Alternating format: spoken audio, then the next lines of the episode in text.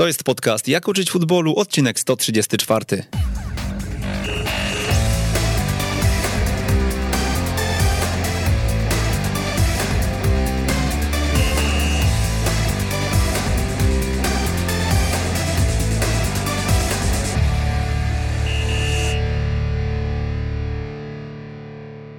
Przemysław Mamczak, witam e, serdecznie. Dwie dekady temu ściągałem go mm, do Wisły Kraków w grze Liga Polska Manager, a on odpłacił mi się wieloma bramkami, bramkami z rzutów wolnych. E, nawet być może była taka sytuacja, że z tą Wisłą sięgnęliśmy później po Ligę Mistrzów, e, a dzisiaj jest ze mną w studiu Radia Weszło FM i po tych rzutach wolnych też na pewno sobie porozmawiamy. Trener Dariusz Dźwigała. Dzień dobry, trenerze. Dzień dobry, bardzo miły początek. Dziękuję i dzień dobry jeszcze raz. Ja taką notkę biograficzną przygotowałem trenowałem. E, myślę, że wielu naszych słuchaczy dobrze trenera zna, ale były trener m.in. Arki Gdynia, Polonii Warszawa, Dolkanu Ząbki, tam tytuł najlepszego trenera roku 2015 w pierwszej lidze. Pod Beskidzie Bielsko-Biała, e, później reprezentacja Polski Młodzieżowa U18, U19, a w ostatnim czasie Wisła Płock, no chociaż to nie był tak, e, to już jest troszkę odległy czas, ale, mm, ale, ale to, był, to był ten klub na samym szczycie. Wcześniej jako piłkarz innymi w Polonii, w Górniku Zabrze, w Pogoni Szczecin, Szczecin, także Izrael, Turcja były przygody. No będzie o czym dzisiaj pogadać.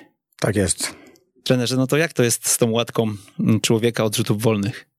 Chciałem na samym początku powiedzieć tak, że mm, ja jako dziecko zdarzało mi się często, będę nieskromny, wygrywać sam mecze. Zawsze grałem na podwórku ze starszymi o rok, dwa, trzy, pięć. Czasami zawsze mnie brano do, do drużyn, e, żeby grać. Mm, teraz z perspektywy tej tak długiego czasu, późniejsza moja przygoda z piłką i przez to, że gdzieś miałem dosyć mocne uderzenie, dobre, dobre długie podanie, gdzieś to moją kreatywność kreatywność e, z każdym rokiem, e, z każdym klubem gdzieś tam, może nie zabijano, ale, ale gdzieś mnie cofano do tyłu. Ja jako dziecko strzelałem bardzo dużo bramek e, i później był też moment taki, że grałem nawet i na środku, na środku mm, obrony. Wracając do rzutów wolnych, no ja generalnie pamiętam od dziś do, Jestem wychowankiem drukarza Warszawa. Na drukarzu w Parku Skarszewskim była taka tablica, jak zaczynaliśmy grać, jak zaczynałem grać piłkę, była taka tablica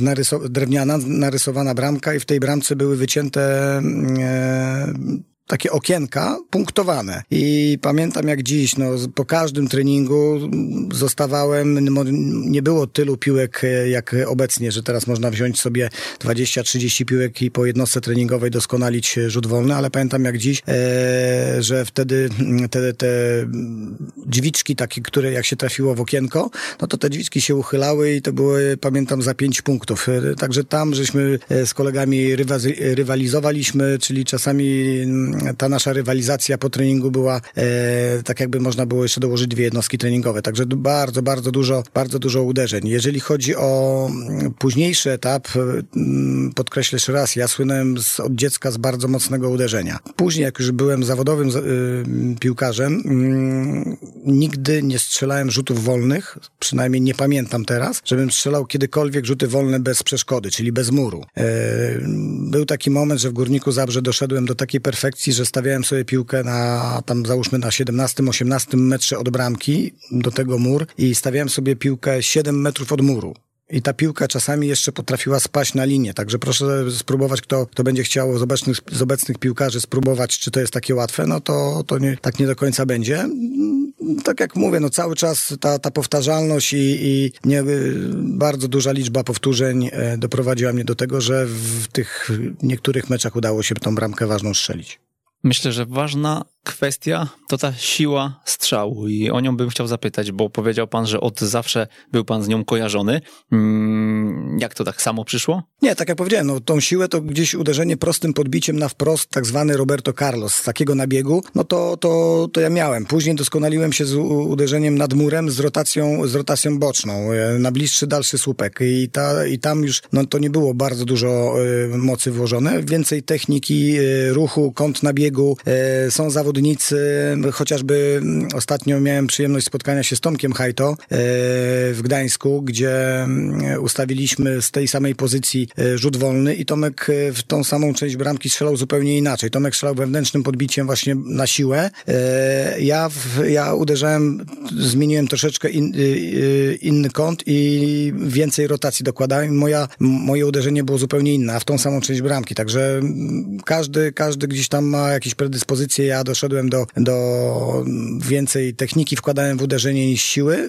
Oczywiście wszystko zależało od tego, w którym miejscu jest piłka na boisku, bo jak strzelałem, załóżmy, e, z prawej strony pola karnego, patrząc na bramkę, no to bardziej szukałem uderzenia właśnie prostym podbiciem, mijając mur e, prawonożny Roberto Carlos, coś takiego. Ta rotacja pro, z prostego podbicia, rotacja jeszcze, żeby była rotacja zewnętrzna. Bardzo fajne wideo e, przygotowaliście wspólnie z kanałem Piłka dla Wszystkich i podlinkujemy je na pewno w tym odcinku. E, tam dużo takich aspektów bardzo, bardzo konkretnych, jeśli chodzi o uderzenia z tych rzutów wolnych i na ile będzie to możliwe, spróbujemy to dzisiaj odtworzyć, bo mm, zacznę może od tego, jak wytrenować strzał. E, na co zwracać uwagę? Czy to po prostu chodzi o powtarzalność Pana zdaniem? Na pewno powtarzalność też, ale przede wszystkim uważam, że trzeba mieć wyobraźnię tego, jak ja chcę uderzyć. Trzeba zobaczyć, jak jest ustawiony e, bramka względem muru. E, tak jak mówię, no jestem e, typowo prawonożny, lewą nogę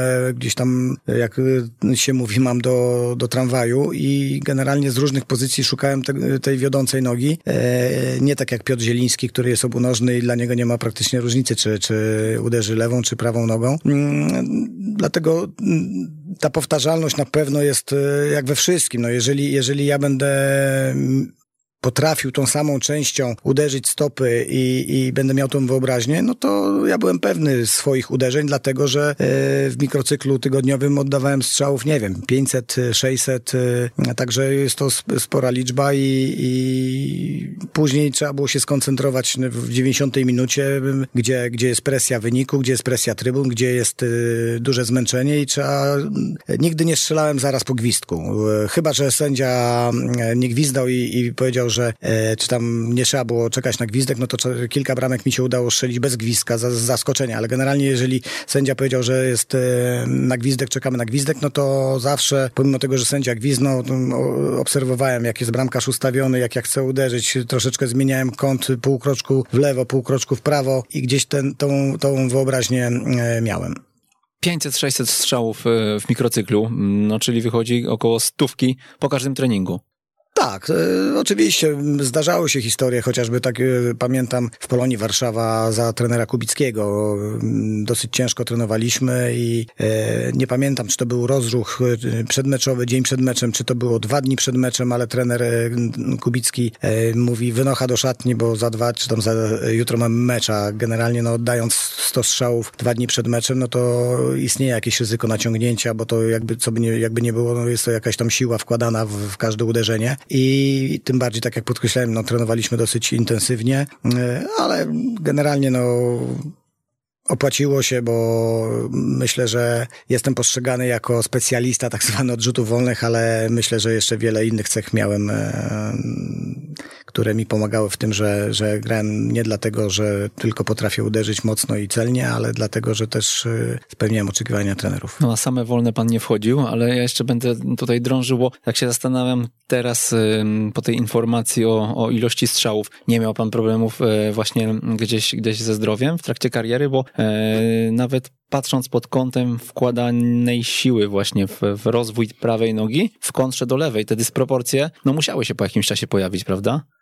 Na pewno nigdy poważnej kontuzji nie miałem. E, dzięki temu, że e, od dziecka mm, zawsze miałem ksywkę niski, krępy niewywrotny. Jestem nisko zawieszony, moje nogi, e, moje mięśnie mm, genetycznie, no, no byłem e, gdzieś tam porównywany do, do ciężarowców i na pewno dbałem. Ja byłem pomimo bardzo dużej masy mięśniowej bardzo dobrze rozciągnięty.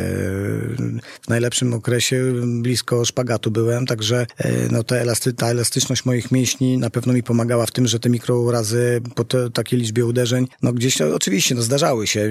Miałem w wieku, nie pamiętam, bodajże 18-19 lat, bardzo mocno naderwany mięsień czworogłowy uda. Do dzisiaj mam bliznę mm, i no ale generalnie dbałem. No dzisiaj są większe możliwości tej regeneracji, rolowanie. Kiedyś nie było takiej świadomości, jak jest, jak jest teraz. Czyli co, po każdym treningu e, był stretching jeszcze? Tak, stretching. E, oczywiście ja byłem przygotowany do tego, do bardzo dużego wysiłku. Zresztą moje pokolenie, no nie jestem pierwszy i nie ostatni, który e, to potwierdzi, że my całymi dniami spędzaliśmy mm, na boisku. Ze szkoły się przyszło, że tornister, stawiało się cegłówki jako bramki, na, grało w zbijaka, jeździło się na łyżwach, nartach. Każdą dyscyplinę sportu człowiek miał pojęcie, czyli jako dzieciak nie pamiętam, żebym ja kiedykolwiek w treningu e, za młodzieńczych lat miał e, drabinki koordynacyjne. My drabinki koordynacyjne, gibkość to mieliśmy na drzewach, gdzie się zabierało jabłko z jabłonki, trzeba było przez płot uciekać przez gospodarzem e, i trzeba mieć było charakter, żeby jak kolegę złapali, e, czy tam mnie złapali, to żeby kolegi nie sprzedać e, kolokwialnie mówiąc, tak? Także e, i tak do czego zmierzam, dlaczego mm, gdzieś te kontuzje, tak mi się wydaje, pomijały mnie, dlatego, że właśnie ta ogólna sprawność była na bardzo wysokim poziomie. No dzisiaj czasy są jakie są. E, jeszcze teraz tym bardziej ta pandemia, która, no dzieci na pewno e, dużo, dużo mniej mają ruchu tego wysiłku fizycznego. Mm, no i kiedyś, kiedyś, tak jak teraz, jest coraz więcej się głośniej mówi o coraz więcej, większej liczbie urazów więzadeł krzyżowych w, w, w młodym wieku, no bo do tego się przyczyniało na pewno złe obuwie, e, sztuczne boiska, właśnie nieprzygotowany organizm do dużego wysiłku, do przy zmianie kierunku biegu na sztucznym, e, na sztucznej murawie, przy złym obuwiu. No więzadła nie są obudowane mięśniami, dlatego jest tak duża liczba e, kontuzji. Czyli chyba mm, z takim nastawieniem właśnie, mm, o którym pan powiedział, spodobała się współpraca z e, trenerem Wielkoszyńskim świętej pamięci, bo w Górniku się spotkaliście, prawda? No tak, wspaniały człowiek, wspaniały, wspaniały trener.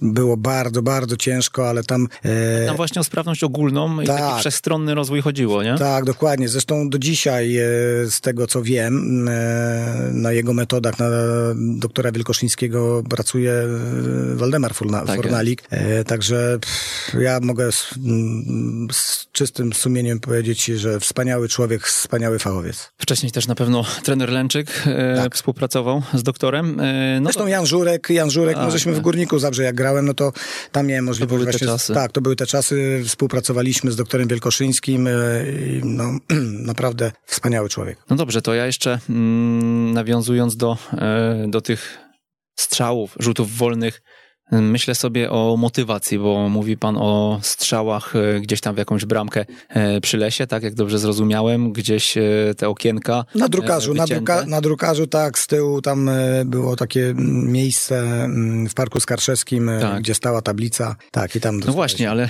jak to się działo, że młody Dariusz Dźwigała szedł i tam oddawał te 100 czy 200 strzałów, bo dzisiaj myślę sobie o tym, że mm, mm, szczególnie tutaj mówię o rodzicach, prawda? Zapisujemy dzieciaki do szkół szkółki piłkarskiej. Chcielibyśmy, jeszcze dzisiaj usłyszą, jak uczyć futbolu, że e, trener Dźwigała e, oddawał po 500-600 strzałów, e, no to powiedzą, słuchaj młody, słyszałeś? E, stąd były te gole, no jak chcesz strzelać w ekstraklasie, no to idziemy na boisko i oddajesz teraz 150 strzałów na przykład.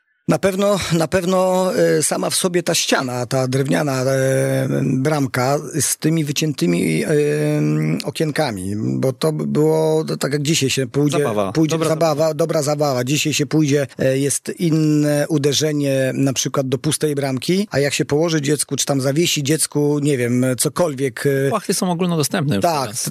chociażby takie płachty, tak, się zawiesi, no to już jest inna motywacja, inna, inna no to tak jak inny moment z, Śnieżkami, jak pamiętam, jak się w coś celowało e, za dzieciaka. Dokładnie. E, no to jak był ten cel, jest, jeszcze jest cel. Jakiś, jakiś taki... E, Dokładnie, jak wejdzie jeszcze forma rywalizacji tak, z kolegą, no to tym bardziej właśnie człowiek się e, nakręca pozytywnie, chce być lepszy. Ja prowadząc teraz e, treningi indywidualne z dziećmi na koniec, no nie zawsze, ale często się zdarza tak, że rywalizujemy z, dzieć, z dziećmi zwykłe poprzeczki, czyli tam też...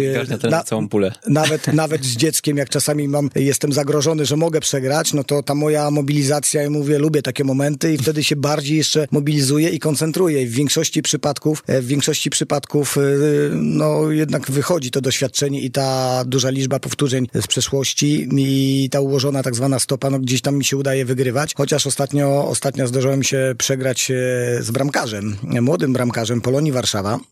Który obecnie broni. Sławek Abramowicz, który też ze mną pracuje, jeżeli chodzi o aspekt gry nogami. Przegrałem 7-1, aż 7-1, tylko my gramy na troszeczkę inaczej, że zwykła poprzeczka, jak się zaraz trafi, to, to się ma jeden punkt, jak się trafi poprzeczkę, piłka ma fazę lotu, odbije się od ziemi i się dobije nogą bezpośrednio za linię, to, to można zdobyć dwa punkty. Jak, jak się nie odbije od ziemi i zdążę dobiec do piłki, to mogę trafić za trzy punkty. Ale jak nie trafię, podejmuję ryzyko, jak nie trafię, to mam minus jeden punkt. Także ja tam trzy razy za minus się władowałem, ale, ale fakt faktem, finał finałów przegrałem 7-1 ze Sławkiem Abrowiczem, z bramkarzem obecnym Czyli Polonii. Albo cała pula u trenera, albo, albo wcale. Tak, bo ja pracując y, z dzieciakami mm, dążę do tego, żeby oni byli pewni swoich rów, żeby nie było w żadnym y, momencie żadnych, żadnej niepewności, żadnej obaw. Ma wierzyć w tym, bo wtedy wyegzekwuje cały, cały, cały aparat ruchowy, mm, całą dźwignię pociągnie, będzie naturalne uderzenie, a nie, nie, wstrzyma, nie wstrzyma nogi w, w ważnym momencie.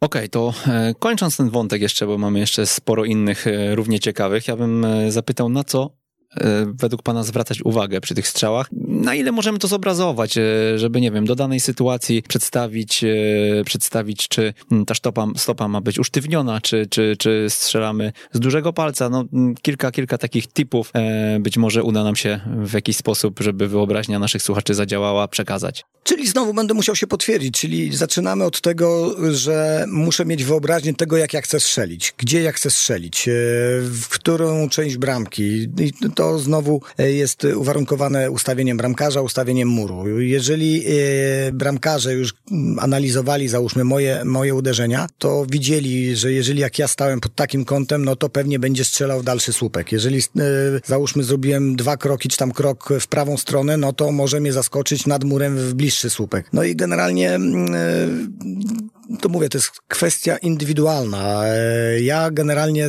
gdzieś tam złapałem taki nawyk, że mm, od piłki odchodziłem tam maksymalnie dwa metry i z tak zwanego kro kroka uderzałem, e, załóżmy w bliższy słupek nad murem, mm, kończyłem e, tak zwanym dużym paluchem i moja stopa kończyła mm, ruch dla wyobraźni, kopałem stopą w chmurkę, tak zwaną, i, i czyli paluchy zadarte do góry, ale i w końcowa faza ruchu bardzo, bardzo szybka. Dynamiczna. Dynamiczna, tak. E, jeżeli chodzi o dalszy słupek, podobny ruch, tylko mówię kąt, kąt nabiegu. Jeżeli uderzałem prostym podbiciem, mm, no to i chciałem, załóżmy, minąć mur, no to dokładałem, dokładałem mm, ruch e, od środka, załóżmy, do, do lewej strony, mówię o prawonożnych zawodnikach, e, nabiegając na wprost, na wprost bramki, czyli ta piłka w końcowej fazie ruchu łapała rotację, nie dość, że prostym podbiciem uderzyłem, to łapała rotację zewnętrzną. Zresztą na tym filmie, który tam nagrywaliśmy, mm, no to, to jest doskonale pokazane, jaka technika, e, jaka technika ruchu mojej, mojej prawej nogi, mm, e, jak była prowadzona moja prawa noga i później finalnie jak ta piłka, jaką rotację łapała. E, udało mi się kilka bramek nawet na poziomie eksaklasy strzelić, chociażby mm, wydaje mi się, że to był Grzegorz Szamotulski broniący Wamice Wronki z 30 paru metrów na pogoni chyba Szczecin z 30 paru metrów. No to to było jedna z ładniejszych moich bramek albo, albo pierwsza bramka e, z filmiku na YouTubie, e, który jest rzucony, tych moich bramek. Jeżeli mogę się pochwalić, to jest bramka bodajże z ruchem Chorzów, e, grając w barwach Górnika Zabrze, Mirosław Dreszer. to była właśnie piękna bramka i tam jest pokazane, jak ta piłka, jak ta piłka leci, z jaką rotacją w boczną siatkę w dalszy słupek wpadła. I to wszystko było właśnie podyktowane tym moim dynamicznym ruchem prawej nogi w lewą stronę. Podlinkujemy raz jeszcze tutaj podkreślam w nasze, pod naszą audycją e, właśnie te, mm, ten materiał Łączy nas piłka, czy piłka dla wszystkich, bo e, tam w zasadzie bramkarz to e, miał kilka pustych przelotów, tak? Gdzieś, gdzieś, no nawet nie dotykał tej piłki i faktycznie ona szybowała tam, gdzie trener sobie zaplanował. Mm, myślę, że tutaj istotne było to, o czym pan powiedział, czyli kąt nabiegu do, do piłki. Nawet on przy dalszym słupku. Był mm, praktycznie był, był pan ustawiony równolegle, nabieg był równoległy do linii końcowej, prawda? Do tak. linii bramkowej. Tak, tak, tak. No to jeżeli mówimy teraz o e, uderzeniu w dalszy, e, w dalszy słupek. Wracając do tego nagrania, no to wiadomo, że no to nie był e, zawodowy bramkarz, ale ja wolałem właśnie, mm, żeby stał ktokolwiek, żeby, działając znowu na swoją wyobraźnię. Ja mhm. teraz wiem, że na przykład jak ja bym grał w piłkę i ktoś by nie ustawił muru, a miałbym e, uderzenie e, gdzieś tam z 18-20 metrów, no to ja bym zgłupiał, nie wiedziałbym jak uderzać, e, bo bramkarz pewnie by stał na środku bramki, a przez to, że się nauczyłem nad murem, w, w 99% albo może i w 100 no, zespoły ustawiają e, rzut wolny, e, mur przeciwnicy, dlatego ja, ja mówię, z tą przeszkodą ten trening mi bardzo dużo dał. Okej, okay, to zapytam jeszcze, jakie komunikaty mm, podaje pan swoim zawodnikom, których pan prowadzi w momencie jakiegoś tam uderzenia gdzieś, gdzieś w maliny przysłowiowe? Co pan koryguje i może kilka przykładów spróbujmy jeszcze podrzucić? Pracując z młodzieżą e, w treningu indywidualnym, ja chciałem podkreślić, że pracuję mm, e, jeden do jeden, czyli mam zawodnika e, przez godzinę, załóżmy jednego, gdzie zawodnik już w miarę jest zaadoptowany do tego, do tej mojej pracy, bo ja no muszę podkreślić, że pracuję troszeczkę inaczej indywidualnie niż, niż większość trenerów. Pracuję na trenażerach, które zastępują te właśnie te ściany, które za młodzieńczych lat moich były śmietniki, ściany budynku szkoły, o które się godzinami odbijało tą piłkę. Dzisiaj takich możliwości nie ma, więc ja mm, e, pracuję na trenażerach, na siatkach, które gdzieś tam rekompensują te, te ściany i tam jest bardzo dużo niuansów. Ja, ja teraz e, od jakiegoś czasu, od czterech lat, jak pracuję indywidualnie z dzieciakami, e, widzę, jakie my mamy problemy i mm, jeżeli chodzi o kontakt stopy z piłką, no to, to jest po prostu niewyobrażalne. Ktoś, kto, kto nie widział tego treningu mojego i, i jak zawodnik, załóżmy techniczny, który przychodzi i zadaje mu pytanie, jaki jest zawodnik techniczny, no techniczny, no to wtedy się zderza ze, ze ścianą, że jednak mimo wszystko nie jest techniczny i co koryguje? Koryguje przede wszystkim, miałem tak, mam takiego zawodnika e, u siebie, który przychodząc i gdzieś tam oddając e, uderzenie, e, zabijał brzydko krótko mówiąc, e, ptaki z, wypłoszył wszystkie zwierzęta, e, wszystkie ptaszki z drzew, bo chciał pokazać, nie wiem, że on ma dużo siły, a sku ze skutecznością to nie było nic wspólnego. Później jak go skorygowałem, że mówię, szukaj kierunku, szukaj sprytnego uderzenia, szukaj pomysłu na uderzenie. Dzisiaj ten zawodnik wygląda dużo, dużo lepiej, w ogóle nieporównywalnie do tego, jak, jak zaczynaliśmy naszą pracę, czyli e, gdzieś otworzyłem zawodnikowi m, mm, oczy na wyobraźnię e, tego, jak e, chce strzelić. Przytoczę nazwisko jednego z piłkarzy, z którym miałem przyjemność pracować, e, Tomek Frankowski. W Jagiellonii Białystok. Kojarzymy. Kojarzymy. 160 czy tam około 170 bramek, prawda? Nie pamiętam, żeby on kiedykolwiek uderzył na siłę. Mhm. Prawda? On cechowała go, wiadomo, technika, spryt, spryt, yy, przez to, że nie miał warunków fizycznych, on w każdych badaniach wydolnościowych, szybkościowych gdzieś tam... A nawet yy, zdaje się, że w tej mojej Wiśle graliście w Lidze Polskiej menedżer. Możliwe, ale to jest, to jest dla mnie przykład, że siła nie, nie zawsze jest, yy, idzie w parze z, jako, z jakością, ze skutecznością. Tomek był geniuszem, jeżeli chodzi o wykończenie, o dostawienie w odpowiednim momencie, z odpowiednią siłą, pod odpowiednim kątem stopy. On strzelał w różny sposób. Lewa, prawa noga, wiadomo, zesłynął z tak zwanych tych wcineczek, bo miał wyobraźnię tego, widział jak, z jakim te, w jakim tempie bramkarz do niego wychodzi, wiedział jak w ułamku sekundy potrafił podjąć decyzję. To samo jest z uderzeniami, że trzeba mieć wyobraźnię w danym momencie i moja praca polega na tym, że u mnie e, siłę, ja, ja mówię zawodnikom, ty siłę masz, ty szukaj innego uderzenia, bądź inny niż wszyscy. Szukaj sprytu, szukaj kierunku, szukaj rotacji, takiej, takiej, takiej. Ja jestem wiarygodny, tak mi się wydaje, wiarygodny w oczach e, dzieci, rodziców, e, bo wszystko, czego wymagam, pokazuję. Ja jestem może będę nieskromny, ale jestem, uważam się za zawodnika technicznego. Nawet w wieku 52 lat wiem, że poprzez dużą liczbę powtórzeń, częsty kontakt z piłką, e, ja się cały czas doskonale, cały czas mam e, czucie, jak mam jedno podanie, jedno e, powtórzenie, żeby pokazać zawodnikowi, jak dane ćwiczenie, jak dane uderzenie, dane dośrodkowanie, dane przyjęcie ma wyglądać, mi w 99% wychodzi. Dlaczego? Dlatego, że mój nawyk ruchowy jest tak zakorzeniony w mózgu prawidłowy, że ja czasami jak chcę pokazać coś e, według swojej oceny, jak się nie powinno robić, nie potrafię tego zrobić, bo mam zakodowany ruch, wzorzec ruchowy prawidłowy. Mhm. No na pewno jest to wartość dodana, szczególnie w kontekście tych młodych zawodników. Pamiętam zresztą tych starych, starszych chyba też, bo pamiętam jak Ryszard Tarasiewicz też na treningach Śląska układał stopę, nawet Sebastiana Mili zdaje się i, i, i trochę go w tym wspomagał. E, no dobra, no to mm, może zapytamy o te treningi indywidualne, bo pan dzisiaj funkcjonuje w Sulejówku.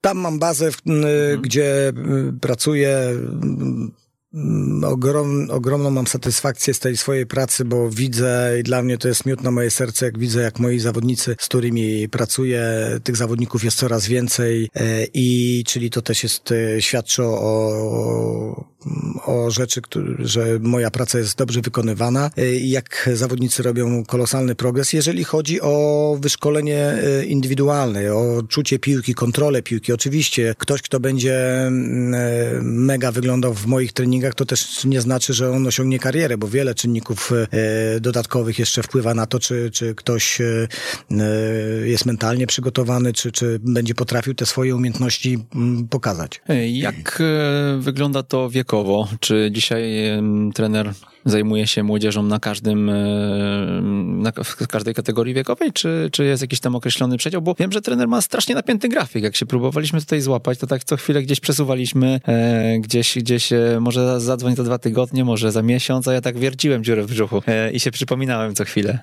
Dokładnie, no codziennie, e, ja nigdy tak ciężko nie pracowałem jak teraz. Mam 5, 6, 7 rekord dziennych treningów, miałem 8, 8 treningów. Po godzinie każdy? Tak, po godzinie. Czasami są dzieci, gdzie jest e, jedną jednostkę treningową, mamy dwie godziny. Czasami e, mam dzieci, które przyjeżdżają z całej Polski, z Gdańska, z Ostrudy, z Brodnicy, z Biegostoku. Patryk Klimala kiedyś e, przyjeżdżał, który, który jest dzisiaj w, w Ameryce, gra w MLS-ie. Mm, mam dziecko najmłodsze, 2012 mm, rocznik, ale mam też dzieci około tam 17-18, młodzież około 17-18 lat, także tutaj dla mnie nie ma najmniejszego problemu. Oczywiście ta skala trudności, e, no wiadomo, że dziecko dziesięcioletnie nie zrobi e, tego, co osiemnastoletnie, choć nie do końca się z tym zgodzę, bo mam, e, mam dwóch chłopców z 2010 rocznika, no wspaniałych. No, są na dużo, dużo wyższym poziomie, co zawodnicy, którzy tam zaczynają, załóżmy, nie wiem, z 2003 rocznika, 2002 rocznika, czyli to 8 lat, 8 lat różnica, a ci 10-11-latkowie są na, na mega poziomie i e, to gdzieś mi otwiera oczy, że jeżeli e, oni w wieku 10-11 lat już są e, tak dobrze poustawiani, bo moja praca polega na tym, żeby e, dobrze ustawić stopę, nie wiem, postawną, uderzającą, pochylić e, e, ciało. No jest tyle aspektów, tyle niuansów, gdzie w treningu grupowym nie ma takiej możliwości, nie mają takiej możliwości trenerzy, żeby każdego w danym momencie skorygować. Zresztą nie ma pewnie na to czasu i to jest największy problem, według mojej oceny, no ta, to egzekwowanie prawidłowych nawyków ruchowych, no bo są teorie, są teorie, wiem, że są trenerzy, którzy, zresztą tutaj chyba był jeden z trenerów, e, który m, mm, gdzieś negował pracę indywidualną e, i mówił, że wszystko w grach. Ja się z tym absolutnie nie mogę zgodzić. E, ja też jestem trenerem, który chciałby wszystko w grach zrobić, ale jeżeli nie będę e, umiał przyjąć piłki, nie będę umiał e, podać e, celnie, bo będę źle stał względem piłki, no to, no to mi gra nic nie da, tylko będę się podczas gry, to jest moje oczywiście zdanie i, i szanuję inne zdanie, ale moja teoria jest taka, że, że no nie poprawię siebie w grze, jak będę wykonywał coś, e, coś źle, w sensie źle będę prowadził nogę względem piłki, do piłki, albo będę stał źle nogą e, względem piłki. E, oczywiście w Portugalii, bo ten trener chyba się powoływał na e, szkolenie w Portugalii, ja też dwa miesiące byłem u syna w Portugalii, jeździłem e, po akademiach różnych i tak, tam oczywiście bardzo dużo się gra na bardzo małej przestrzeni, e, duże, duże tempo gry, ale tam grają zawodnicy już w miarę ukształtowani. A u nas, u nas e, ja wiem o czym mówię, bo, bo przerabiam dzieci z różnych akademii. E, z najlepszych w Polsce, nie będę wymieniał tutaj, ale, ale z najlepszych akademii w Polsce mam różnego rodzaju zawodników w różnych kategoriach wiekowych i, i no, z tą techniką jest bardzo, bardzo ubogo.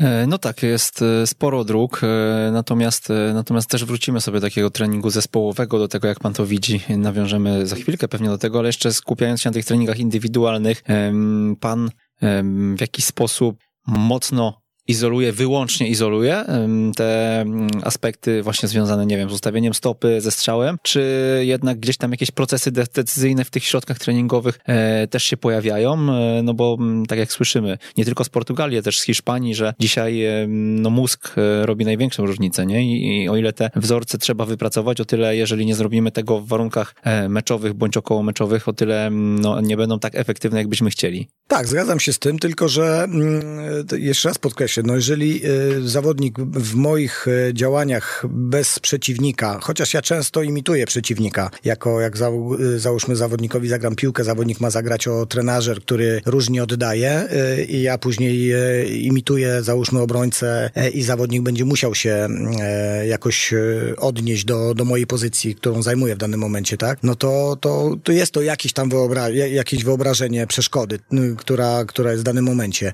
Jeżeli chodzi o na przykład przykład o, nie wiem, załóżmy, założę sobie jakieś ćwiczenie, że ma wyglądać to podanie w ten trenażer, inne w drugi jeżeli trenażer mi źle odda, to ja oczywiście od zawodników wymagam myślenia. Nie na siłę graj o ten rebander drugi, który y, miał być w kolejności, tylko podejmuj inna, inne decyzje, bo, bo w danym momencie jest in, in, inaczej ci, ci trenażer oddał. Zresztą e, a propos tych trenażerów i tej pracy wrócę do, do tych ścian jeszcze raz, e, bo przypomniał mi się fragment Francesco Tottiego e, z autobiografii jego. Proszę sobie sobie tam gdzieś, e, jak będą Państwo mogli mm, e, odnaleźć, e, on nawiązał do sta, staro tam świeckiej, jak on to chyba nazwał, metody właśnie ściana. Ściana, on powiedział tak, że on pracuje i zachęca ludzi, trenerów pracujących w obecnych czasach do, do tak zwanej ściany, bo tak, mówi, ściana jest to najlepszy partner. Jak ścianie, ścianie źle zagrasz, to ściana ci źle odda. Jak ścianie zagrasz dobrze, ściana ci dobrze odda. Czyli to jest tak jak odnośnik. Jeżeli ja dostanę od pana dobre podanie, czyli ja będę już miał łatwiej komu innemu podać. To jest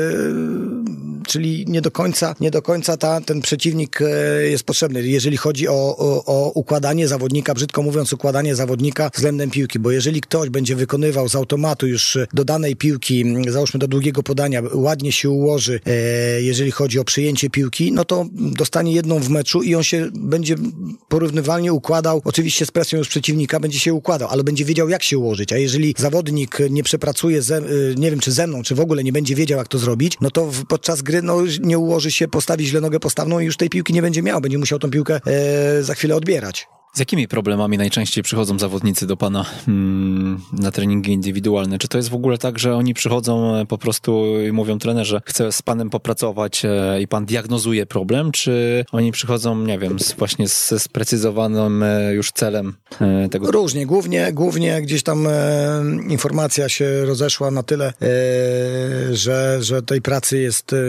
mam dużo i tych zawodników mam dużo. Jeżeli chodzi o mm, Generalnie pierwsze spotkania moje są tak zwany przegląd techniczny e, i największy problem e, jest e, praca stóp.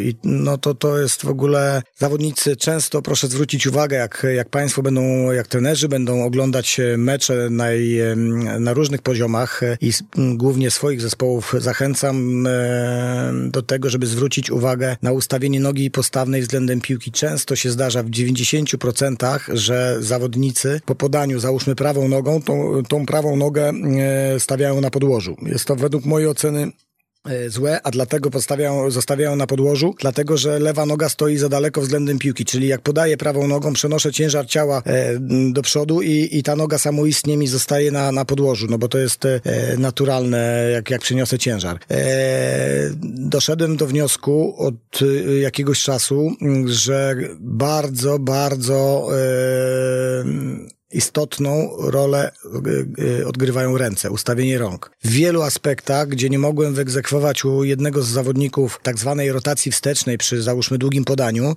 mówię, kurczę, no tyle treningów nie mogę wyegzekwować tego, co chcę, co powinno zająć dosłownie, nie wiem, 15-20 minut, jeżeli, jeżeli chodzi o, o złapanie tego, tego nawyku ruchowego. I do czego doszedłem? Do, doszedłem do wniosku, że e, to był chłopiec prawonożny i lewa ręka była jego przyklejona tak jakby do klatki piersiowej, e, ustawiona i w ogóle nie napędzała jego lewa ręka w momencie podania, e, nie odchodziła w prawą stronę, napędzała ruchu.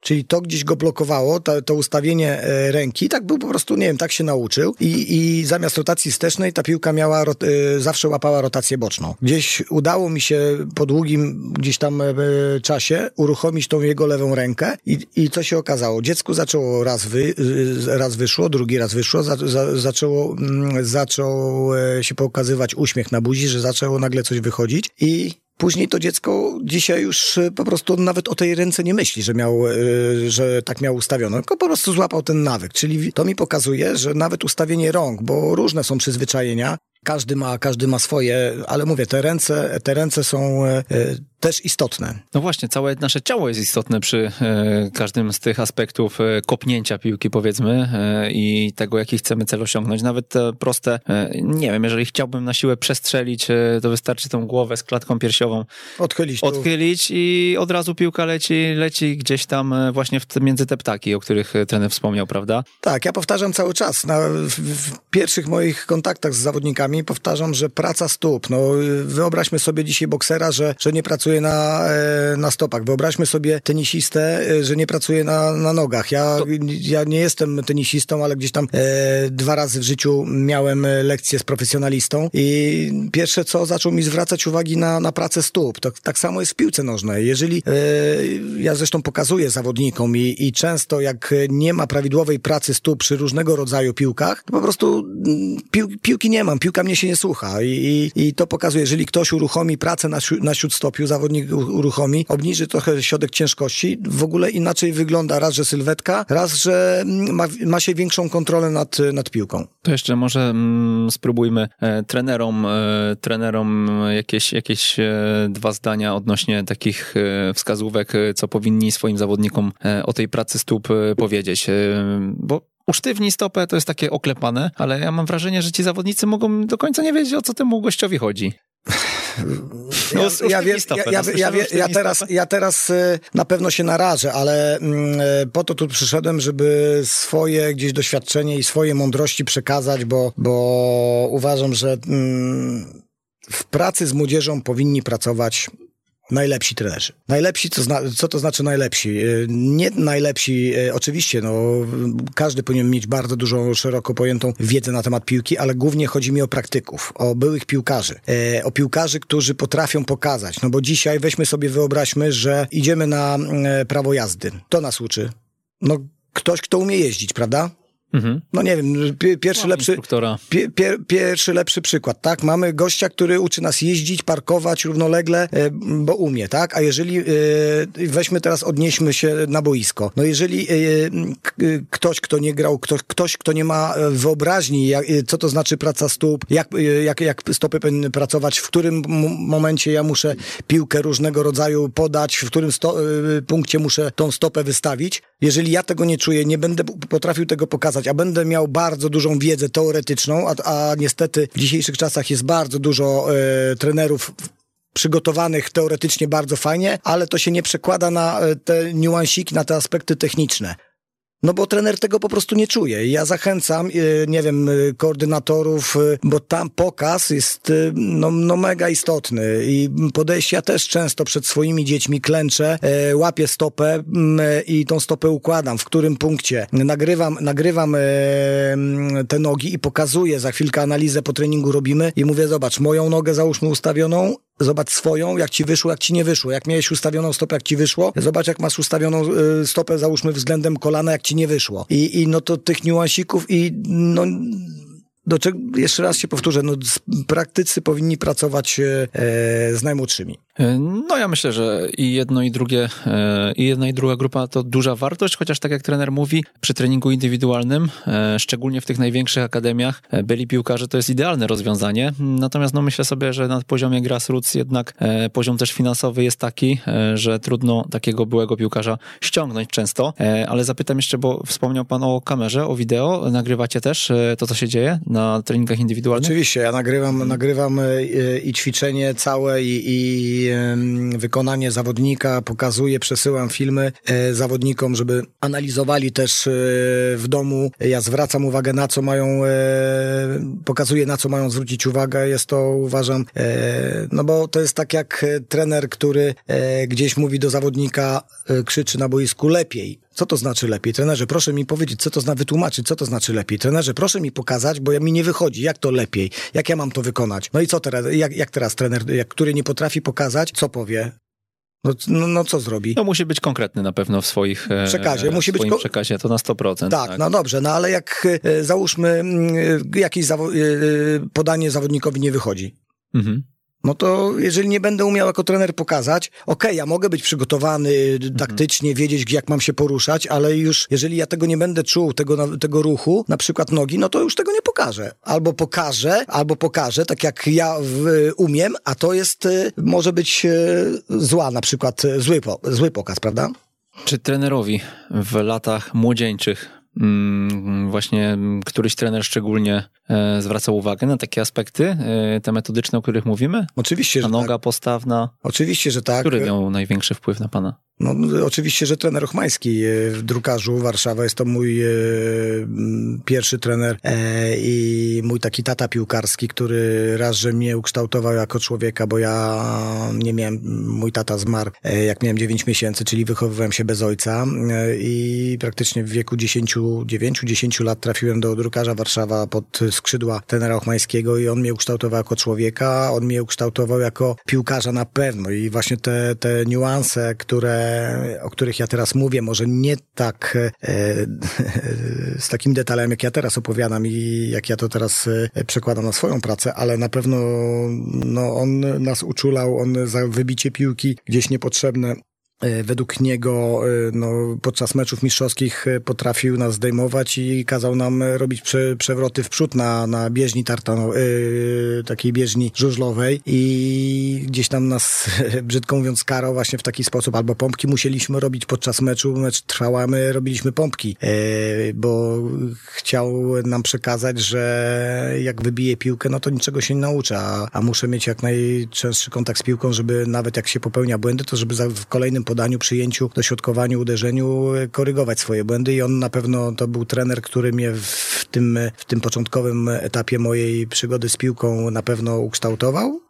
No i przede wszystkim też boisko i, i podwórko, o którym wcześniej wspomniałem. Wspomnieliśmy o tych piłkarzach, byłych piłkarzach w sztabach i ja nawiązałbym do takiego systemowego podejścia troszkę odnośnie e, pracy całego klubu, e, powiązanego ze szkółką czy z akademią piłkarską. Cały poniedziałek poświęciłem gdzieś tam wywiadom, e, których udzielił pan w przeszłości dalszej i bliższej. I gdzieś tam wydaje mi się, że z nich się przebija, że chciałby pan funkcjonować w takim projekcie, który jest długofalowy przede wszystkim, a jednocześnie poukładany właśnie no, nie tylko na zasadzie takiej, co będzie w następnym meczu z zespołem seniorów, ale mm, żeby te wszystkie trybiki były powiązane. Oczywiście, no uważam, że tacy, ta, taka, taka praca, którą e, ja wykonuję, no to ja powiem tak. E, poproszono mnie w KS Wesoła, bo mieszkam w Wesołej, tam e, był mój e, najmłodszy syn i poprosił mnie trener, e, żebym popracował mm, indywidualnie z dwoma chłopcami przez godzinę, których e, on miał jednostkę treningową, których ja wyjąłem do, do siebie na pracę e, indywidualną i właśnie mi powiedział, jaki jest problem w danym chłopcem, co, na co zwrócić uwagę. I gdzie ten, ten chłopiec nie mógł przez ileś tam lat wyegzekwować, nie wiem, nauczyć się jakiegoś tam jednego elementu. Ja przez godzinę to dziecko nauczyłem tego elementu, czyli to mi też pokazało, że pracu, pracując i ta... Jaki to był element? Może... No, rotacja wsteczna, bo okay. to był bramkarz, młody, młody bramkarz, rotacja wsteczna, cały czas właśnie on gdzieś tam nie potrafił tak ułożyć sobie stopy, żeby ta piłka leciała z rotacją wsteczną, tylko zawsze gdzieś tam była rotacja, rotacja boczna. Na koniec treningu e, zdał egzamin chłopiec przed trenerem, trener aż oczy szeroko wziął i mówi nie wierzę. I to mi też pokazało, że, że jak y, pracuje się klęczy przed dzieckiem, pokazuje. Na początku y, klęczałem i rzucałem na, na dwa metry przed, y, turlałem piłkę, żeby mi zagrał do rąk, nie wychodziło, nie wychodziło, ale na finał finałów zaczęło temu dziecku wychodzić. I uważam, że e, tacy, ta, taka praca indywidualna na pewno nie przeszkodzi e, w treningu grupowym, oczywiście mm, wyjmując, nie wiem, chociażby jednego zawodnika z treningu grupowego, na przykład, nie wiem, w mikrocyklu sobota, sobota w treningu poniedziałkowym czy tam wtorkowym, jednego zawodnika. Jeden zawodnik, jestem, daję gwarancję, że przez godzinę jednego zawodnika jestem w stanie jednego elementu, oczywiście tak mi się wydaje, no ale że yy, jednego zawodnika, jednego elementu jestem w stanie nauczyć. No i weźmy sobie teraz, nie wiem, codzienną taką pracę z każdym, z każdym treningiem, kolejny zawodnik, kolejny etap. E, rozmawiam z jednym z prezesów e, Akademii Warszawskich, z jednego z klubów z Akademii, Akademii z Warszawy, e, no i, bo tam byłem na, na pokazie dla trenerów i prezes mi mówi, no ty, ty wiesz ile ja wydaję na trenera przygotowania motorycznego? Ja mówię, no nie wiem, no, tyle. Ja mówię, no dobrze, a ile wydajesz na trenera przygotowania technicznego? No nic. Ja mówię, dlaczego? Okej, okay, ja się z tym zgadzam, że dziś, dzisiejsza piłka bez, bez przygotowania motorycznego dzisiejszej piłki nie ma, ale dzisiejsze piłki, poważnej piłki bez aspektu technicznego też nie ma. I, i zawodników, zawodników trzeba rozwijać e, technicznie, no bo jedno z drugim wtedy gram na poziomie ekstraklasy reprezentacji e, klubów europejskich, tak? E, dlaczego, dlaczego się inwestuje? Bo dzisiaj jest moda na przygotowanie motoryczne. Bardzo ważne. Jeszcze raz podkreślę, ja nie chcę negować absolutnie, że trener, że prezes inwestuje w, w akademiach, w trenera przygotowania motorycznego, ale jeżeli nie mam, y, sam nie potrafię pokazać, trudno, no niestety, żeby podnieść jakość swoich chłopców, na których y, mogę za chwilę być dumny, że mój jeden, drugi, trzeci, dziesiąty gra na poziomie ekstraklasy, muszę zainwestować. Niektórzy biorą kredyty y, na mieszkania, samochody, to dlaczego mam nie wziąć, zainwestować w trenera przygotowania? Może mi, może mi się będzie opłaciło, a gwarantuję, że się będzie opłaciło. Oczywiście, no wszyscy nie będą grali na poziomie ekstraklasy, ale, ale co zdolny chłopiec pewnie, pewnie może trafić na wyższy poziom. No dobra, ja nie przypadkowo zapytałem o ten system, bo zapytam, czy polskie kluby, Pana zdaniem, mm, są dobrze zarządzane, jeśli chodzi też o mm, dobór szkoleniowców. E, pan pracował e, w największych klubach w Polsce. Była Arka, e, było pod Beskidzie po drodze, tak, była Wisła Płock oczywiście. Mm, no i, i właśnie pytanie, czy w momencie, kiedy trener Dźwigała przychodzi z własną wizją, o której za chwilkę też powiemy, z taką, która no, jest precyzyjnie określona i mam wrażenie, że też raczej e, nie jest pan zbyt e, otwarty na odstępstwa, e, szczególnie jakieś wielkie od tego, co pan o futbolu myśli i jak go pan rozumie, czy mm, no właśnie kluby dobierają tego trenera pod kątem tego, co on o tym, o tej piłce myśli. Mówimy o pracy z młodzieżą? Nie, już teraz przeszliśmy do tej, te, tych aspektów e, najpopularniejszych klubów w Polsce, tak? Bo mówimy o pierwszej lidze czy o ekstraklasie. No, czy według mojej oceny na pewno, na pewno to idzie w dobrą stronę. Coraz więcej klubów e, myśli i dobrze gdzieś tam. Uważam, że e, na pewno klub powinien mieć określoną wizję y, tego, jak chce grać y, jego, jego klub. Nieważne, czy do dzisiaj prowadzę, prowadzi zespół. Jeżeli chce grać tak zwaną tiki-takę, no to, to zatrudniam trenerów o takiej charakterystyce właśnie. Dyrektor sportowy musi mieć to samo spojrzenie. ściągamy, sprowadzamy zawodników pod y, określony sposób grania i i no, dzisiaj nie wyszło jednemu trenerowi, ale nie biorę trenera teraz w ogóle z innym pomysłem, a często się tak u nas zdarza, że u nas e, dobiera się trenerów, e, nie wiem, raz właśnie pod tiki taka, za chwilę e, nie wyszło z tym trenerem, e, nie ma punktów, bo u nas jeszcze, jeszcze to granie tak zwane, szeroko rozumiane granie w piłkę gdzieś no jeszcze nie jest w stanie się obronić, ale myślę, że to przyjdzie za parę lat, no bo, bo ta praca w tych akademiach jest coraz, coraz lepsza i coraz więcej mamy młodych piłkarzy, do, coraz lepiej wyszkolonych i to, to za chwilkę, za kilka lat będą ci młodzi zawodnicy na gdzieś tam zbliżonym poziomie europejskim i chcącym grać piłkę. I do czego zmierzam? No, że kluby nie mają do końca jeszcze wizji, tak? To jeszcze raz podkreślę, że dzisiaj jest trener o, o, od gry kombinacyjnej, za chwilę biorę trenera od e, bardziej atmosfery, nie ma jakiejkolwiek pomysłu na to wszystko i później e, ten trener, który, który sprowadzał piłkarzy o charakterystyce grania w piłkę, jest zwolniony, przychodzi trener o innym spojrzeniu na, na piłkarza i sprowadza kolejnych swoich e, piłkarzy i no, gdzieś dochodzi do sytuacji takich, że dany klub płaci dwóm, trzem, czterem trenerom e, jednocześnie, zawodnikom e, się dziękuję, załóżmy po, nie wiem, po pół, po, po roku, po, po, jeżeli chodzi o, o grę w piłkę w danym klubie i, i dalej się utrzymuje. I uważam, że tutaj jest, tu jest jakiś spory problem. Trenerze, czy wiesz, że każdego miesiąca w ramach Szkoły Trenerów Online spotykamy się na szkoleniach online z trenerami, których słyszysz w jak uczyć futbolu? Najciekawsi goście z największą wiedzą do przekazania przekazują ją regularnie. E, przekazują ją e, w formie wykładów, w formie warsztatów, e, a osoby uczestniczące w szkoleniach otrzymują też prace domowe do realizacji na kolejne dni. 10 godzin szkolenia, dostęp do niego przez kolejne 14 dni. Jeżeli chcesz poznać szczegóły, zapraszamy na ekstratrener.pl ukośnik STO. Powiedział Pan o trenerach i ich charakterystyce. Jaką charakterystykę można przypisać Dariuszowi Dźwigale? Moja charakterystyka jest taka, że e, ja patrzę na najlepsze kluby na świecie. Chciałbym, żeby moje kluby grały w piłkę. U nas coraz częściej e, się mówi o otwieraniu, o graniu, budowaniu od tyłu. Tylko to budowanie jest e, takie, że jest załóżmy zagranie od bramkarza do obrońcy. Obrońca ma mm, delikatną presję, odgrywa do bramkarza i już później nie ma e, ryzykownego, trudnego podania, tylko od razu jest ekspediowana piłka do przodu i bez, bez adresata. I, I tak jest bardzo, bardzo często. A proszę spojrzeć na najlepsze drużyny na świecie.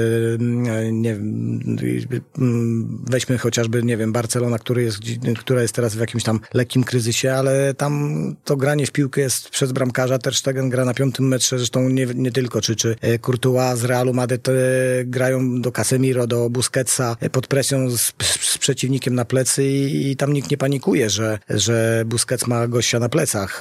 Tam, a to skąd to się bierze? To się bierze stąd, że od dziecka taki Busquets miał zawsze przeciwnika przy sobie na plecach i dla niego to jest normalne, że, że gra pod presją i okej, okay, no gdzieś raz na jakiś czas pewnie ta, tą piłkę się, się straci. U nas też często jest tak, że bardzo dużą liczbę kontaktów ma linia obrony, eee, bo gdzieś gramy za dużo w poprzek, do tyłu, eee, nie szukamy, nie szukamy podań e, mocnych przez, przez linię takich otwierających. Bardzo mało u nas w polskiej ekstraklasie jest utrzymania się przy piłce na połowie przeciwnika i stamtąd, jeżeli będę umiał się utrzymać na połowie przeciwnika, kolejny etap jest do tego, żeby szukać piłkarzy kreatywnych, którzy potrafią z wyobraźnią podać prostopadłe podania, a nie znowu tylko e, gdzieś tam do tyłu albo, albo mm, e, do boku. No właśnie, fragment pana wywiadu e, na weszło.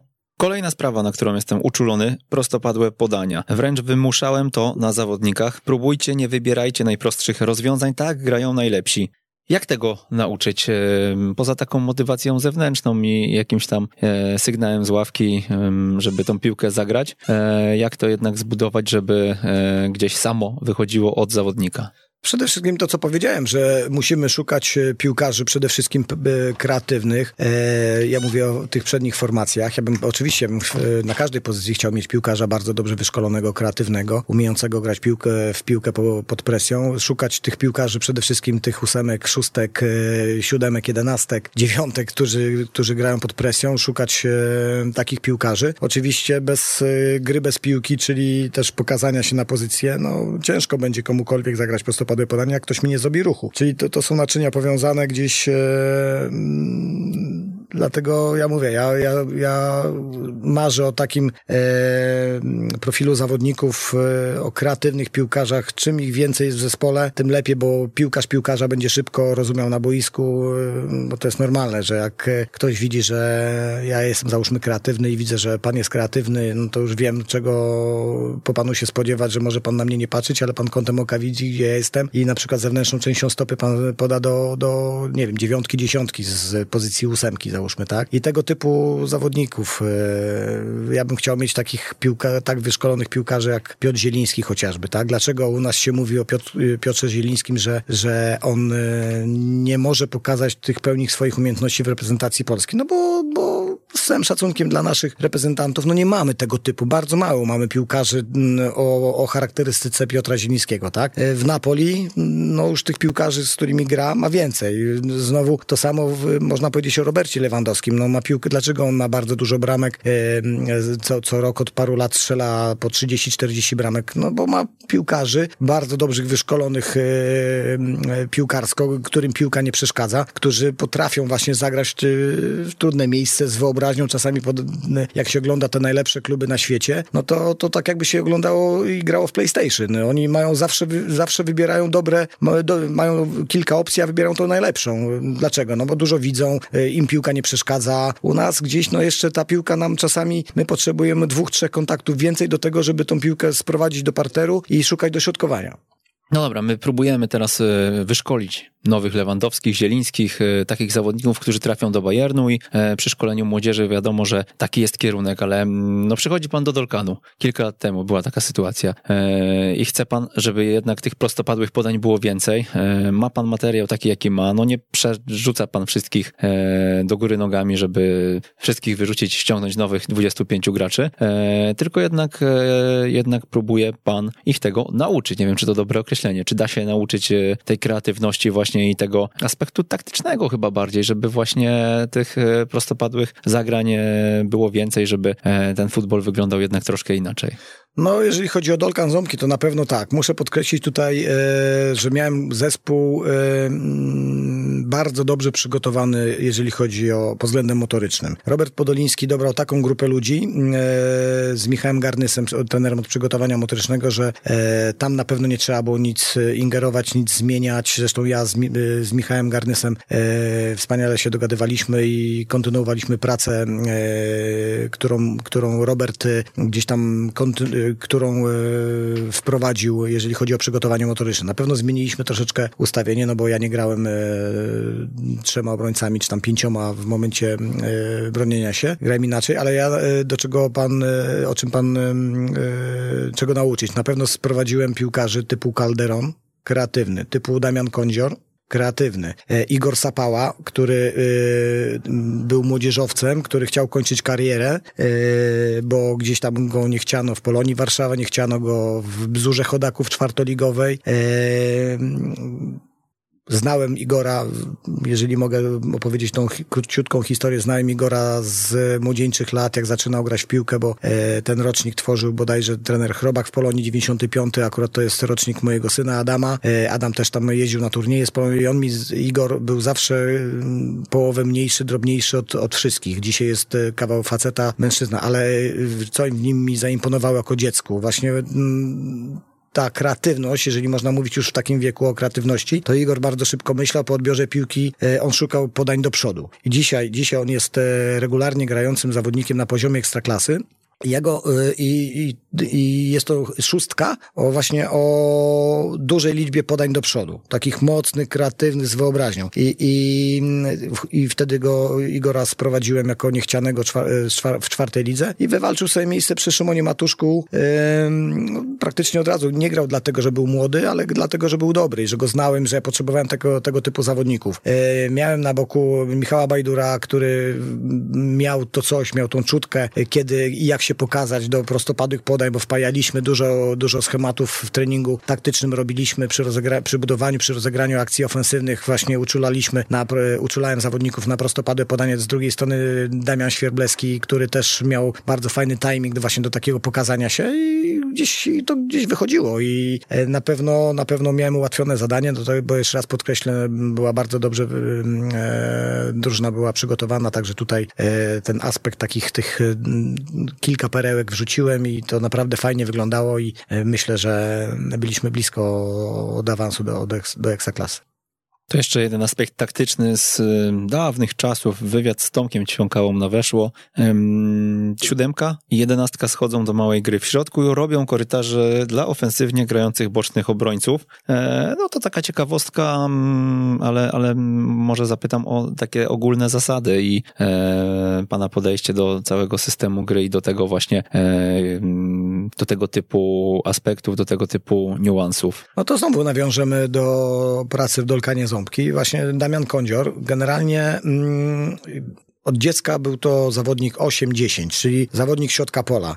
Ja mając dużo zawodników właśnie bardzo dobrze wyszkolonych, bo jeszcze muszę wspomnieć o Bartku Solińskim, bardzo dobrze wyszkolony piłkarz, e, e, e, Feruga Daniel, e, kolejny piłkarz, którego ściągnąłem, który mi pasował do koncepcji, czyli tych środkowych pomocników. Ja miałem bardzo dużo w zespole i chciałem, żeby wszyscy, wszyscy grali w zespole, dlatego je, często było tak, że Damian, e, Damian e, Kądzior grał na prawej obronie, E, przepraszam, na prawej pomocy, czyli na pozycji numer 7 i wiedziałem, że będzie szukał e, zejścia z bocznego sektora boiska do środka, będzie się pokazywał między strefami, jak tam e, dostarczymy mu piłkę, no to będzie, będzie już potrafił zagrać właśnie prostopadłe podanie, bądź się oddać uderzenie na bramkę, bo wiedziałem, że zanim na prawej obronie jest da, y, Damian Jakubik, czyli brzydko mówiąc konik do biegania, taki więcej, y, no taki żołnierz, typowy żołnierz do, do pracy, y, wydolny, silny i też y, z, z, niezłą, z niezłą,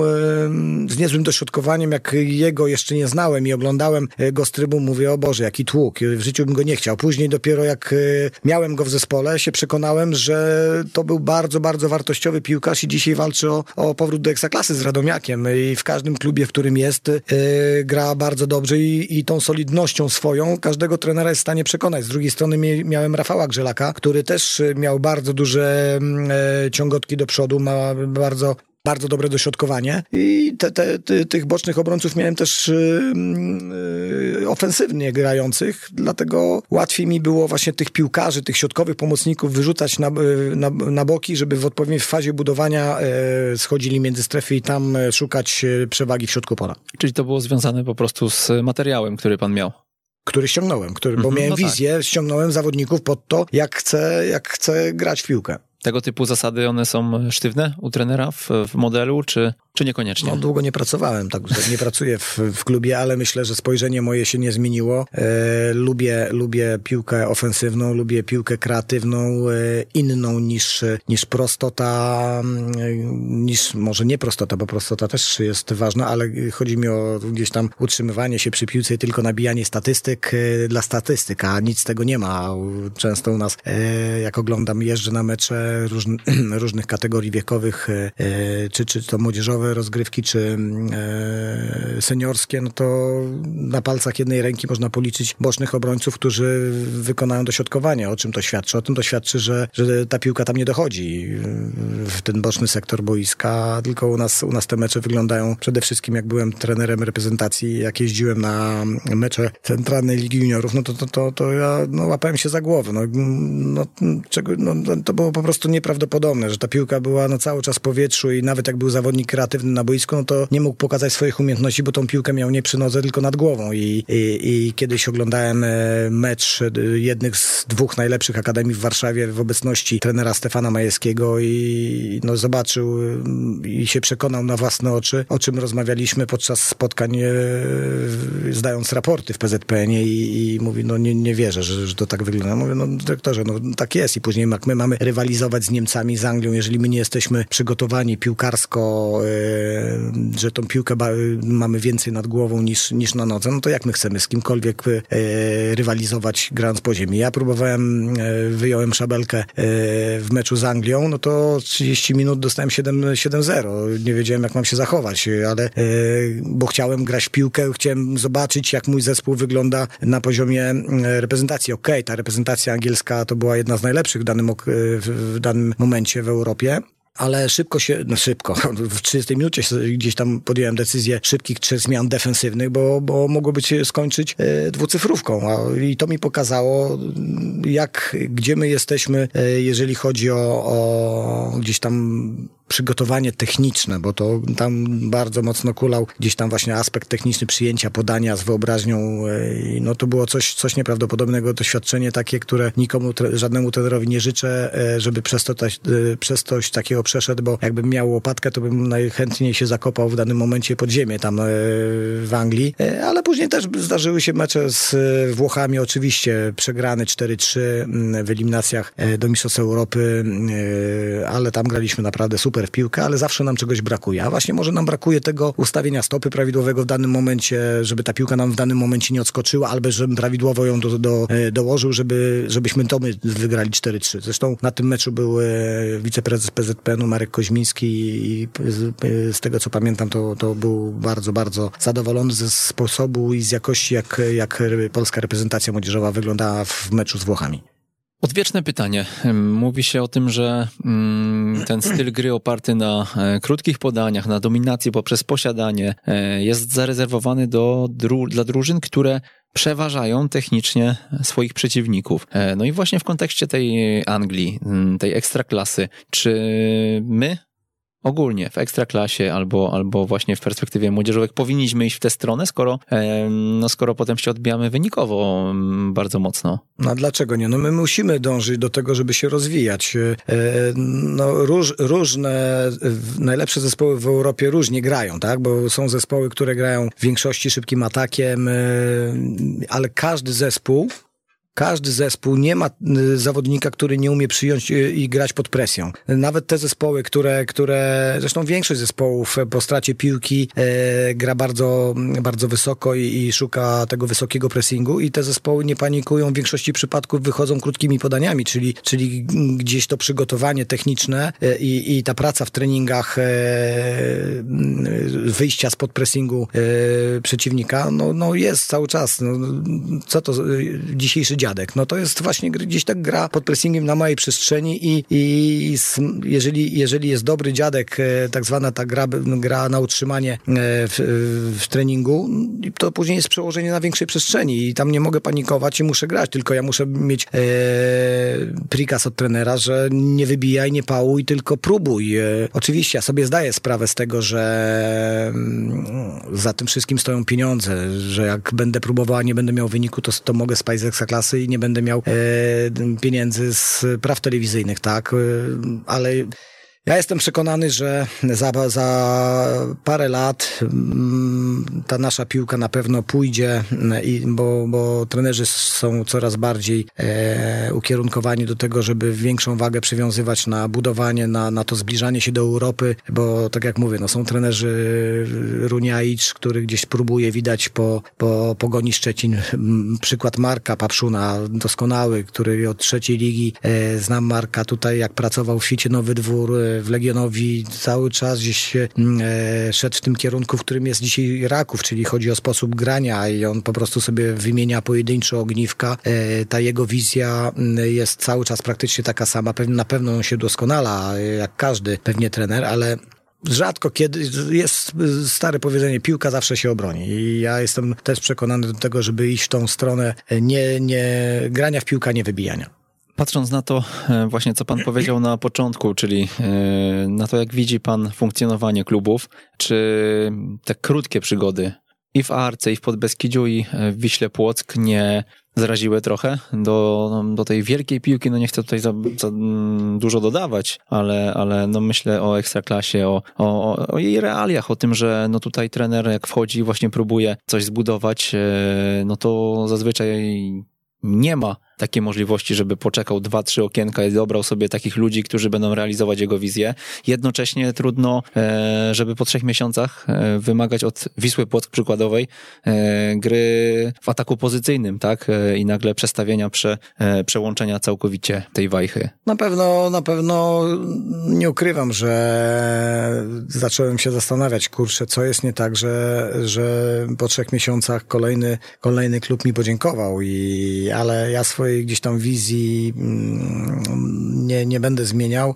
Jeżeli chodzi o Wisłę Płock, na pewno tutaj nie chcę się usprawiedliwiać, bo wiedziałem, w którym momencie mm, przejmuję zespół, ale przyszedłem do Wisły Płock na cztery dni przed pierwszym meczem z Lechem Poznań. Nie miałem możliwości na żadnego zawodnika, na żadne przygotowanie motoryczne, na nic praktycznie. Musiałem szybko wejść. Okej, okay, było mi łatwiej, bo no, oglądałem Ekstraklasy, znałem tych zawodników. E, był mój syn e, w Wiśle Płocki. E, na pewno, na pewno, mm, ale chciałem podkreślić, że zwolniono mi po trzech miesiącach, gdzie nie przegrałem dwóch meczów z rzędu i tak z perspektywy już trzech lat bodajże jak nie pracuję w Wiśle Płock, no czy, czy Wisła Płock zrobiła z innymi trenerami kolejny progres? No nie, to nie jest, to nie jest problem jednego czy drugiego trenera. Myślę, że to jest bardziej problem zawodników, jakich się w danym momencie ma i, i tej wizji, o której rozmawiamy, o tym, jak, jak e, zespoły mają grać. Chociaż jak był dyrektorem e,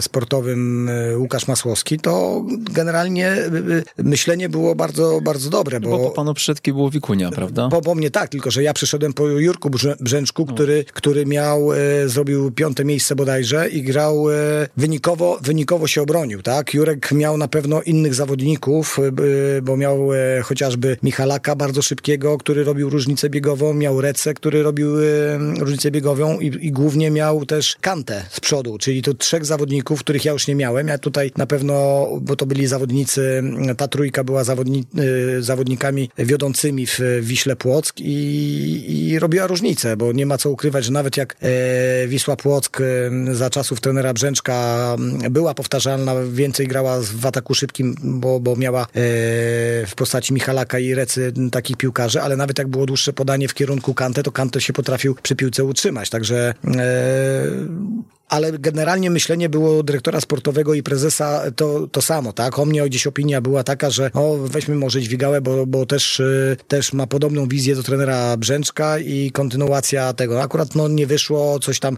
e, się nie podobało w mojej pracy e, prezesowi i dyrektorowi sportowemu i mnie podziękowa mi podziękowano, ale wzię wzięto kolejnego trenera, Kibu Wikunę, który też miał według prezesa i dyrektora sportowego podobną wizję, czyli, czyli to był gdzieś e, zachowany, zachowany zachowane spojrzenie, i, ale z żadnym, ani ze mną, ani z trenerem Wikuną no nie wyszło. Wzięto trenera właśnie już innego, o innej charakterystyce bodajże Leszka Ojrzyńskiego, który gdzieś tam e, uratował, uratował Wisłę Płock e, przed spadkiem i, i tyle. To jakie wnioski wyciągnął pan tak po latach, jak pan patrzy po pracy? No strzel, strzelmy w te trzy kluby właśnie Arka, Podbeskidzie, Wisła Płock, gdzie był pan kró, krócej niż e, przy pozostałych projektach. Na pewno ja jestem trenerem, który hmm, bardzo, bardzo ufa zawodnikom e, i pewnie w jednym czy w dwóch przypadkach gdzieś tam po przeanalizowaniu gdzieś e, no, miałem takie przemyślenia, kurczę dźwigów, no nie możesz wszystkim ufać, bo, bo ten cię zawiódł, ten cię zawiódł, ten cię zawiódł, załóżmy, tak? I ja generalnie, e, jak byłem zawodnikiem, no to mm, żeby pokazać pełnię swoich umiejętności, lubiłem trenera tak zwanego tatusia, który gdzieś tam bardziej mnie głaskał, niż, niż na mnie gdzieś tam wywierał presję i krzyczał, e, bo miałem tak, tak, przy, tak, taką sytuację w Pogoni Szczecin, gdzie, gdzie miałem trenera, który no nie stawiał na mnie, gdzieś tam mnie brzydko mówiąc, nie szanował, a za chwilę miałem trenera, który powiedział Dźwigu, od ciebie zaczynam skład w cudzysłowie, robię z ciebie kapitana yy, i Dźwigała był zupełnie innym zawodnikiem, także to też mi pokazało, yy, że pracując, wiedziałem, czego zawodnik e, oczekuje od trenera, bo, bo sam byłem e,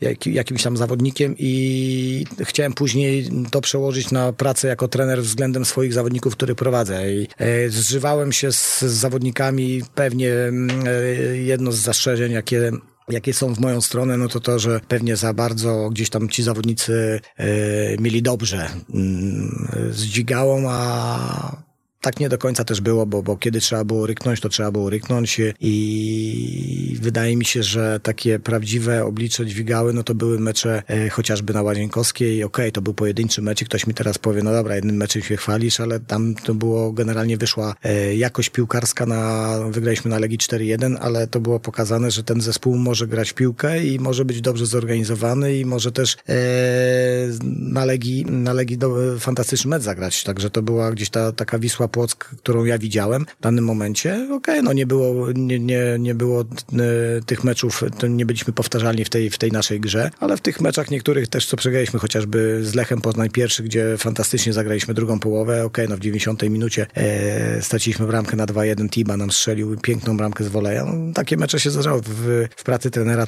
czy w, jako zawodnik też e, czasami potrzeba trochę szczęścia, oczywiście szczęściu trzeba pomóc. No dobrze, to zapytam, jakie rady dałby Pan e, naszym słuchaczom, początkującym trenerom e, piłki nożnej, takim też, którzy być może nie byli piłkarzami, a jednak pracują dzisiaj z dziećmi, rozwijają się w tym kierunku, jest to ich pasja e, i, i, i są też dużą wartością dodaną dla całego systemu, bo no, na samych piłkarzach też nie zbudujemy tego fundamentu, prawda?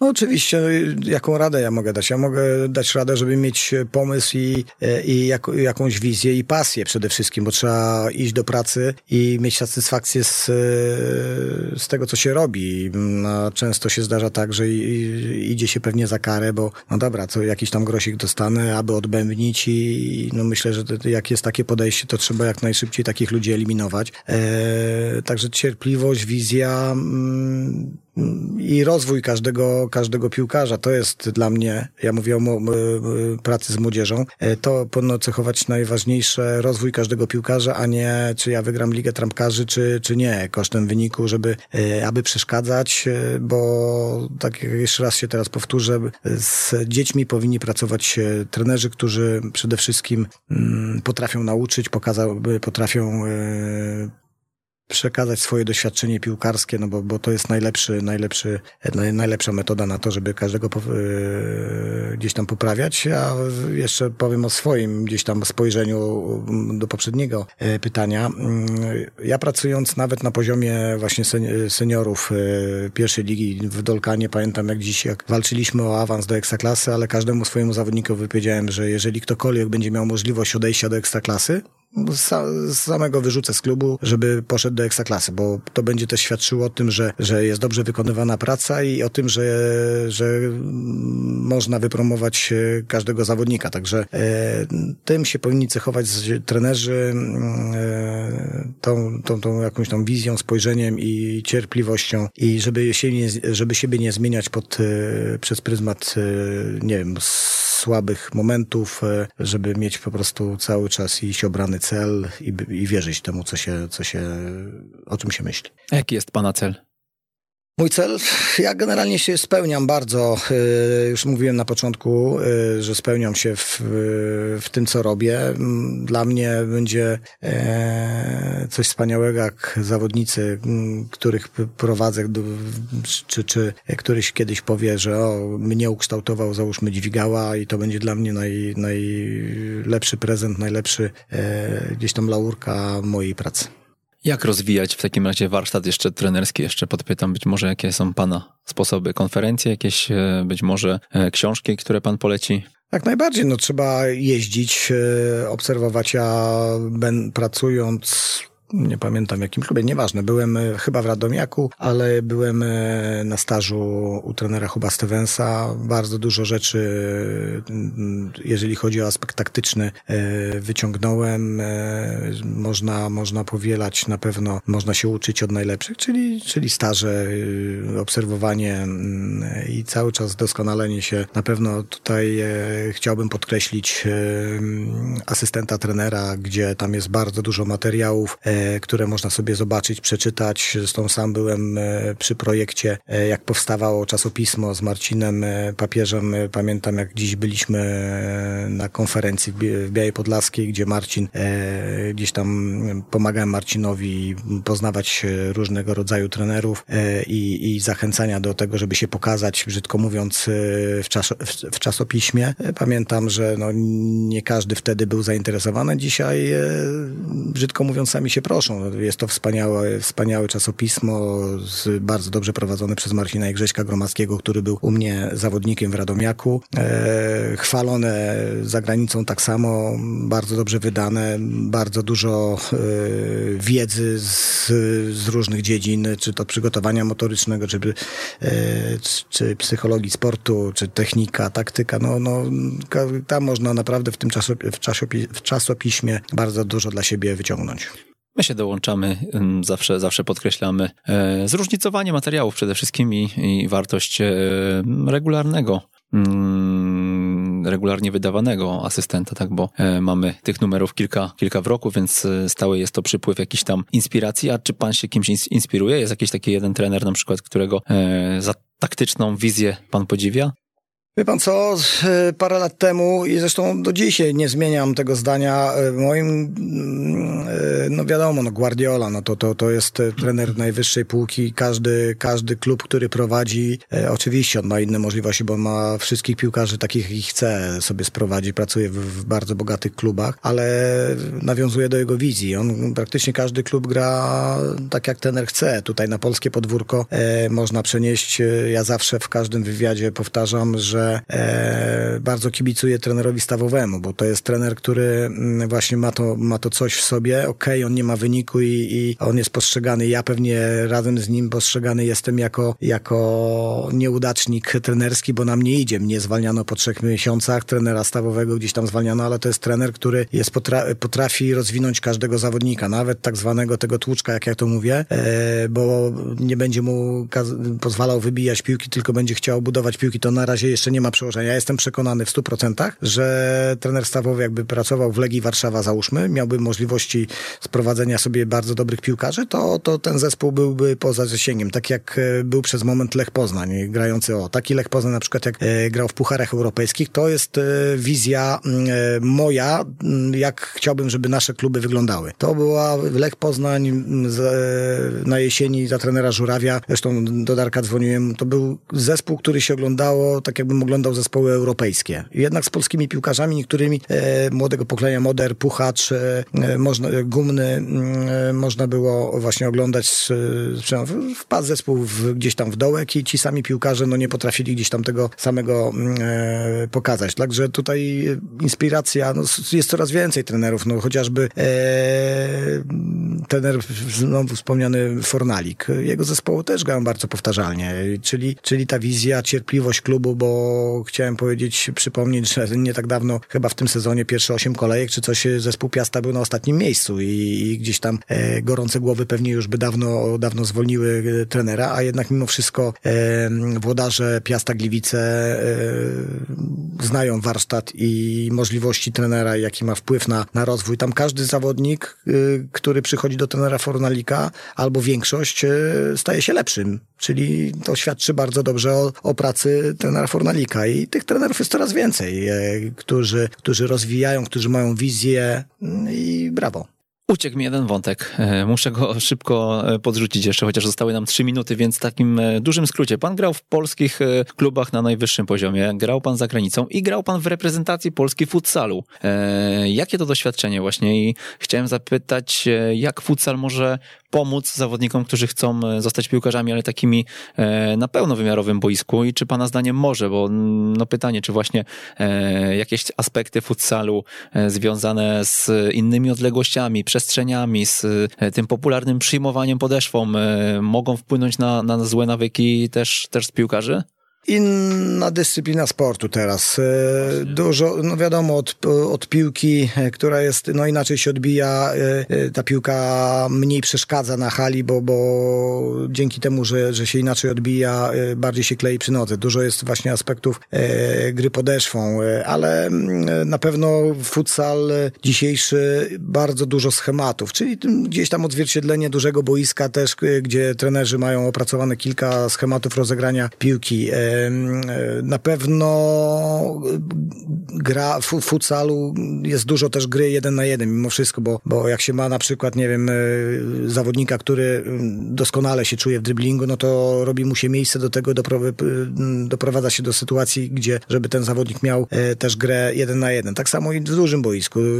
Poprzez granie gdzieś cierpliwe mamy zawodnika, e, nie wiem, pierwszego lepszego z brzegu, weźmy Jóźwiaka, który dla niego gra jeden na jeden, no to jest to coś, co on ma od dziecka i doprowadzić trzeba do, tą piłkę w boczny sektor boiska, żeby Jóźwiak miał, załóżmy, piłkę żeby przeciwnika tylko przed sobą. To samo w, to samo w futsalu, ale nie wiem, czy ja, no, ja z piłkę zawodową, też grałem e, właśnie w piłce mi to nie przeszkadzało, ale nie wiem, czy są jakieś teraz przykłady, którzy, zawodników, którzy grają na poziomie e, futsalu, chociaż teraz chyba nie można już łączyć. Za czasów młodzieżowych e, pewnie tak, e, bo nawet e, gdzieś tam Brazylijczycy, Portugalczycy często, często trenują futsal pewnie w trakcie gdzie, gdzieś tam dzieciństwa, ale, Muszę ale później pewnie się wybiera jedną dyscyplinę. Nie? Muszę przytoczyć e, nazwisko e, Milewskiego Mariusza, z którym miałem przyjemność grać w piłkę na f- futsalu, rewelacyjny, ale na boisku umiejętności też pokazywał, że piłka się go słucha. I to by było na tyle.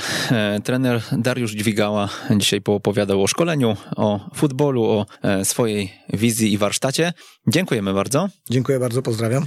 A to był 134 odcinek Jak uczyć futbolu. Przemysław Mamczak. Do usłyszenia za tydzień. Jeżeli spodobał Ci się ten odcinek i wspólnie z nami chcesz podnosić poziom szkolenia w Polsce, o istnieniu podcastu Jak uczyć futbolu poinformuj jednego znajomego trenera, którego takie treści mogłyby rozwinąć. Z góry pięknie Ci za to dziękujemy i raz jeszcze do usłyszenia.